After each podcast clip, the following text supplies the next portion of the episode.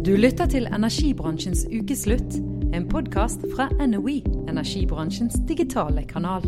Journalistikken er i mange tilfeller for følelsesbasert. Kan roboter gjøre journalistikken bedre? Jeg heter Anders Lie Brenne, og jeg er ansvarlig redaktør i NRE. Og jeg heter Skjul Kristian Aamodt, og jeg er gründer og utviklingsdirektør i NRE.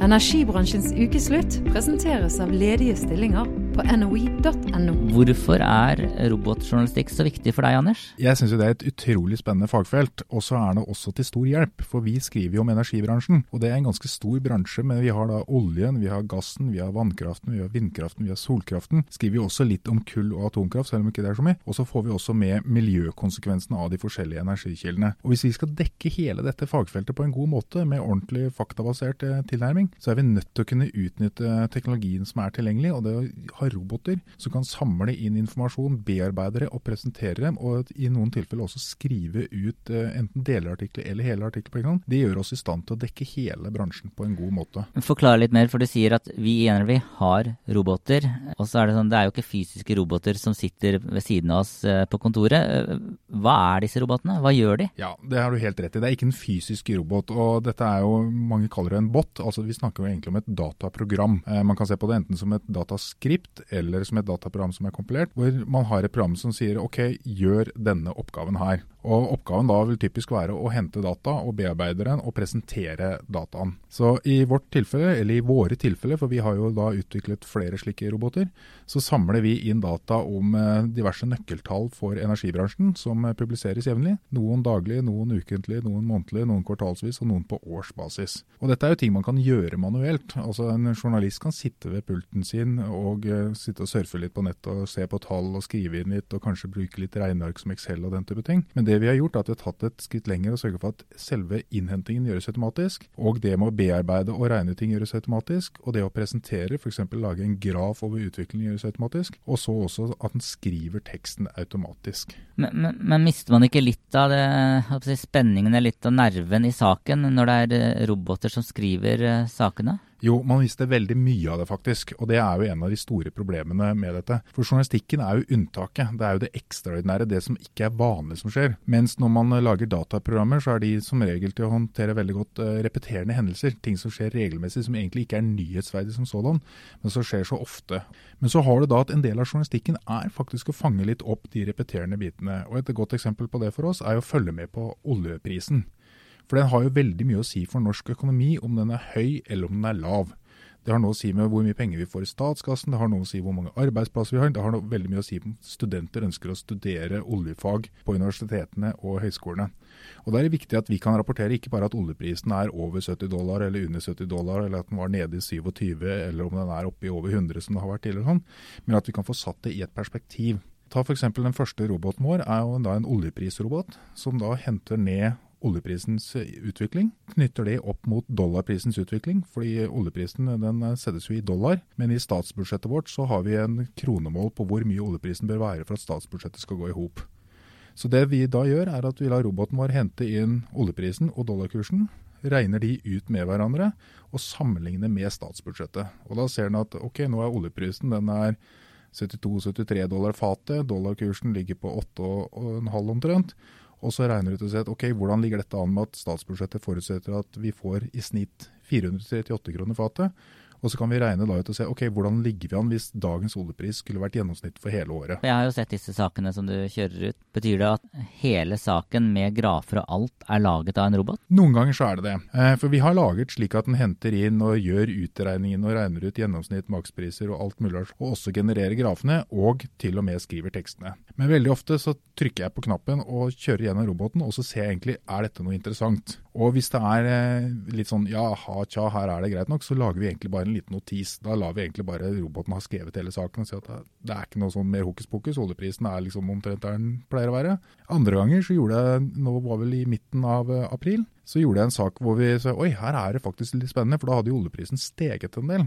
Og så, hadde roboten kommet frem til at jo, hvis denne oljeprisen her holder seg for hele året, så vil Norge få en ekstrainntekt på 54,3 milliarder kroner. Og Det er jo kjempeinteressant, for det er omtrent like mye som statsbudsjettet for, uh, har til forsvarsbudsjettet. Slik at uh, med den oljeprisen som da var rundt uh, eh, 15.4, så ville Norge fått et ekstra forsvarsbudsjett i inntekter.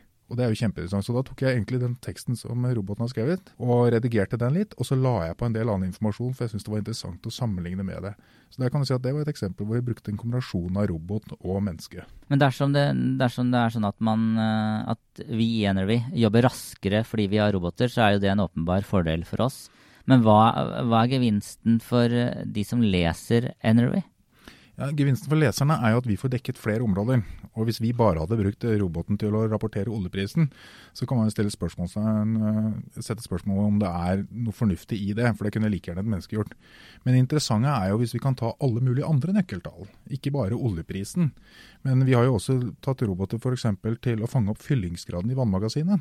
Og det har jo vært veldig interessante nå, eh, spesielt denne vinteren hvor det har tatt litt lang tid før snøen har smelta. Og dermed har vi hatt lite vann i vannmagasinene, og vi har vært nødt til å importere strøm fra utlandet i eh, mange uker på rad.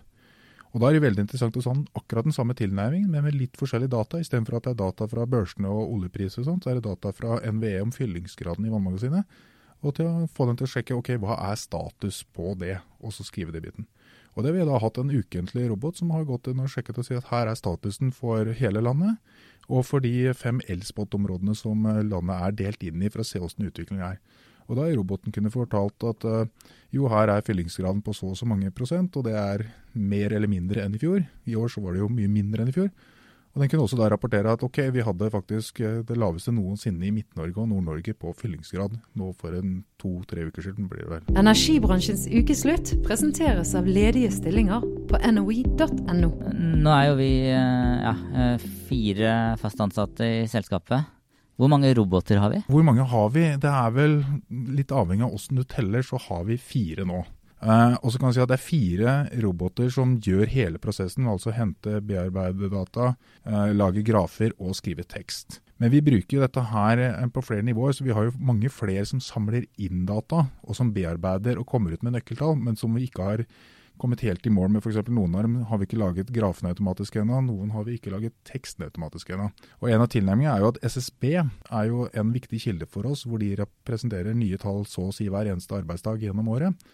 Og Da har vi jo hekta oss på at vi har som mål at alle de som er relevant for energibransjen, de skal vi kunne rapportere ved hjelp av roboter. Så er det litt forskjell, fordi de tallene som SSB rapporterer én gang i året, da er det jo et spørsmålstegn om det er noe vits i å bruke tid på å utvikle en robot for å rapportere en sak som er én gang i året. Eh, det kan være fordel å bruke programmerte løsninger til å hente inn data og bearbeide dem, for det kan være tungvint å bruke, gjøre manuelt uansett. Men det å få den til å lage grafer og skrive teksten automatisk, det er nok ikke hensiktsmessig. For det tar lengre tid å skrive en Eh, tekst som skal brukes av en robot. Fordi Hvis man gjør dette her veldig enkelt, så kunne man sagt at man bare lagde én mal, og så bare bytta ut noen verdier og sagt at tallene i år er så og så mange prosent mer enn i fjor. og så brukt det som en sånn, det som kalles mail merge. Altså når folk får masse personifisert spam i postkassen hjemme, som vi har fått i årevis.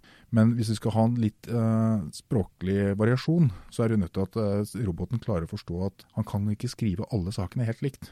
Det må være en variasjon i språkbruken, ikke bare avhengig om en aksjekurs f.eks. går opp eller ned, men det må være litt variasjon hvis du skal rapportere fra ni-ti selskaper. Så kan ikke alle selskapene bli rapportert med samme struktur. Da blir man helt koko av å sitte og lese den teksten. Da har vi altså uh, fire fullverdige roboter som kolleger. Vi har uh, flere roboter som henter ut tall. Det er status i dag. Hvor skal vi? Målet er jo å få automatisert alle disse kalde hverdagshendelsene, eller altså nøkkeltallene som er eh, repeterende gjentagende. Altså enten de kommer på dagsbasis, ukentlig basis, månedlig basis. Men målet er jo at vi skal kunne rapportere alle disse tingene og identifisere interessante nyheter i dem. Slik at vi får dekket den delen av nyhetsbildet. Så jeg vil jo gjerne ha, altså Nå har vi en del på olje. Så er det litt mer problematisk på gass, for der er eh, måten vi selger gass på er litt annerledes enn olje. Så det er ikke noen sånn gasspris du kan sjekke på en børs. Eh, der er det jo interessant med produksjonstallene som eh, Oljedirektoratet presenterer en gang i, eh, i, måneden. Så der sitter vi og jobber med liksom at vi skal få gass skilt ut den ene bit. Så er det også med vannkraften. Der har vi i og for seg litt med fyllingsgrad og den biten, men vi skulle gjerne hatt flere nøkkeltall på det. Vi skulle gjerne hatt flere nøkkeltall på vindkraften og solkraften f.eks. Da har vi stort sett bare tall med hvor mange installasjoner det gjøres i løpet av et år. Ikke hvor mye som produseres, for det er statistikk som ikke blir gjort tilgjengelig. Hva med strømprisen? Strømprisen, der har vi vært inne og gjort noe arbeid på å se på den biten. Men da er det viktig å merke seg at det er ikke strømprisen til sluttbrukerne. Men vi har gjort en del, ikke robotjournalistikk ennå, men datastøttet journalistikk, hvor vi har gått inn og sett på åssen er eh, spotmarkedet for strømpris vært hittil i år. Og Der fant vi bl.a. ut at det er en veldig spesiell situasjon i første kvartal, og at danskene har billigere strøm enn Norge. Og Det er da datastøttet journalistikk, som i første omgang bare er gjort som en vanlig journalistisk øvelse, hvor vi har gjort vanlig journalistisk metode, men brukt dataverktøy til å hente inn data. Men der er jo målet at når vi først har gjort den jobben, at vi skal kunne konvertere de dataløsningene til å bli repeterende robotjournalistikk, slik at istedenfor at vi må sette oss ned og bruke to dagsverk på å gå gjennom alt dette her og gjøre rapportering, så kan vi heller rapportere de tallene hver gang det er tilgjengelig, f.eks. en gang i uken. Og Da vil vi kunne gjøre mye bedre journalistikk, for da vil vi kunne fortelle utviklingen i strømmarkedet fra uke til uke. Vi kan gjøre fra dag til dag, men jeg tror kanskje det blir litt for ofte at folk er ikke så interessert i dagsprisene. Men hvis du hver uke kan si at her er strømprisutviklingen, så vil vi få en mye bedre dekning, at folk får en forståelse at oi, nå var det kjempedyrt. Hvorfor var det det? Jo, fordi eh, datakildene som vi har hentet inn sier at det var lite vann i vannmagasinene, det var lite vind i Europa alle disse tingene og sette det sammen i et perspektiv. Vi har jo eh, gjort en eh, liten eh, jobb internt med å finne ut hvem vi er og hvor vi skal og hva vi holder på med. Og da har vi landet på at vi skal holde energidebatten saklig, faktabasert og levende. Ja. Robotene er jo kanskje saklige og faktabaserte, men de er vel langt fra levende? Du kan si De er så saklige som vi gjør dem. Eh, så lenge vi skriver inn kall maler og regler for hvordan de skal formulere seg, så vil jeg jo tro at de er saklige. Men er jo, de er ikke bedre enn det vi er. Hvis vi er usaklige i måten vi legger inn i malene, så får vi usaklige roboter. Eh, de er jo faktabasert. De baserer seg på informasjon som eh, er fra offentlige datakilder, eller som vi har fått tak i tall eller statistikk på ellers. Og Sånn sett så kan de jo etterprøves. Men de er som du sier, de er på ingen måte levende. Eh, og Det er vel også en av flaskehalsene til robotjournalistikk. Jeg tror ikke vi vil få f.eks. verken oss eller andre hvor vi får rene eh, robotjournalist-nettsteder. For de blir eh, i stor grad for tørre og kjedelige, i hvert fall med den type tilnærming som vi jobber med nå. Så vi skal fortsatt ringe og grave og søke og møte mennesker? Ja, hele målet er jo at vi skal møte mange flere mennesker. Fordi det vi ønsker å gjøre er å det som jeg liker å kalle den datadrevne hverdagsjournalistikken. Og Det er litt forskjellig fra hvis man kjenner til Scoop-konferansen, som er liksom en årlig konferanse som den beste journalistikken i Norge kåres med metodearbeid og den type ting. Og ser at alle de driver med datadrevet journalistikk. Men det er gjerne prosjekter som de har fått uker og måneder, og i noen tilfeller år, på å jobbe frem det beste med store team som sitter og har en utvikler, og en designer, og en videojournalist og en featurejournalist og et svært team som jobber med en sak, og virkelig løfter frem. Det som vi driver med her, er jo den datadrevne hverdagsjournalistikken. At vi skal kunne ha noe som dekker hver eneste dag, og få fulgt opp de viktige bitene, sånn at vi får med oss hele nyhetsbildet. At ikke vi får store tomrom i energibransjen som ikke blir dekket. For noe av det vi holder på med i Energy, er å sørge for at energibransjen får den dekningen bransjen fortjener. Fordi det gjør den ikke. Folk flest har ikke noe forhold til verken olje, gass, vannkraft, vindkraft eller solkraft. Det eneste de tenker oi, nå er strømprisen dyr. Og så hører de av og til at nå er oljeprisen lav, og da får visst ikke Norge inn penger nok. Men det, det, har ikke det. Så hvis vi skal kunne klare å gjøre det, så må vi ha roboter som kan eh, bidra der. Når det er sagt, så er jo hele poenget med robotjournalistikken er å frigjøre ressurser. Eh, så når robotene kan ta mer og mer av den datadrevne hverdagsjournalistikken, så frigjør vi kapasitet til at vi kan i mye større grad reise ut, intervjue, ringe opp, snakke med mennesker og gjøre den journalistikken som journalister faktisk ønsker å gjøre. For det er ingen som tar journaliststudiet og sier at åh, jeg har så lyst til å bli journalist. For da kan jeg sitte ved en pult og så kan jeg sitte og bla gjennom store databaser fra SSB for å se om det er noen tall. Det er egentlig ikke journalistisk arbeid i seg selv. Men samtidig så må en del av de tallene rapporteres, fordi når du finner noen unike tall, så kan det ofte være en sak som du etterpå kan følge opp. Så ved å bruke robotene til å gjøre mye av det kjedelige rutinearbeidet, så kan vi frigjøre mye mer tid til å gjøre ordentlig journalistisk arbeid. og nettopp fange opp at når roboten sier at ok, her er det noen interessante nøkkeltall. Greit, her legger, setter vi alle kluter til, og vi ringer og vi spør og vi graver og vi sjekker ut mer og mer. Og gjør god menneskelig redaksjonell innsats på toppen av. Og Det er det som er motivasjonen bak dette. Energibransjens ukeslutt presenteres av ledige stillinger på noi.no. Så du kan si at eh, robotene sammen med mennesker i NRV det bidrar både til uh, kvantitet og kvalitet på journalistikken. Ja, og journalistikken må ha en del kvantitet.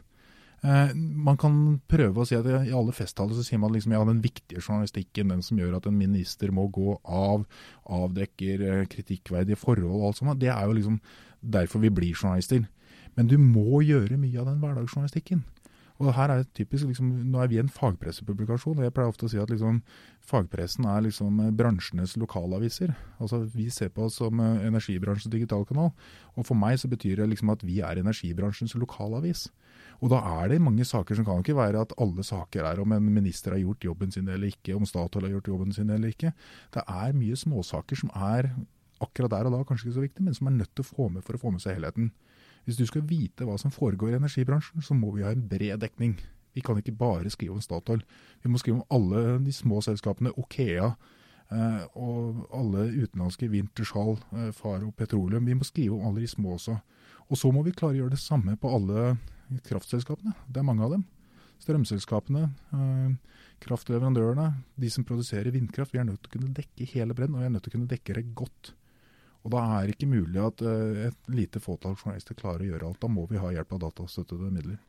Nå har vi skrapet litt i overflaten på robotjournalistikk, og dette er et tema som er helt ufattelig spennende, og det er utrolig mye som skjer på det. Eh, det vi har snakket om nå, er primært det vi gjør nå i dag. og Vi har kommet ganske godt i gang, og vi driver aktivt med robotjournalistikk. Og så bruker vi mye tid på å se hva er vi skal gjøre i fremtiden. Men det er et ganske omfattende felt med maskinlæring, kunstig intelligens og, og, veldig avanserte algoritmer og litt avansert datapark. Så det skal vi heller komme tilbake til seinere. Hvis vi konkluderer, så er robotene på full vei inn i journalistikken, og vi er enige vi satser på å være en aktiv del av den overgangen.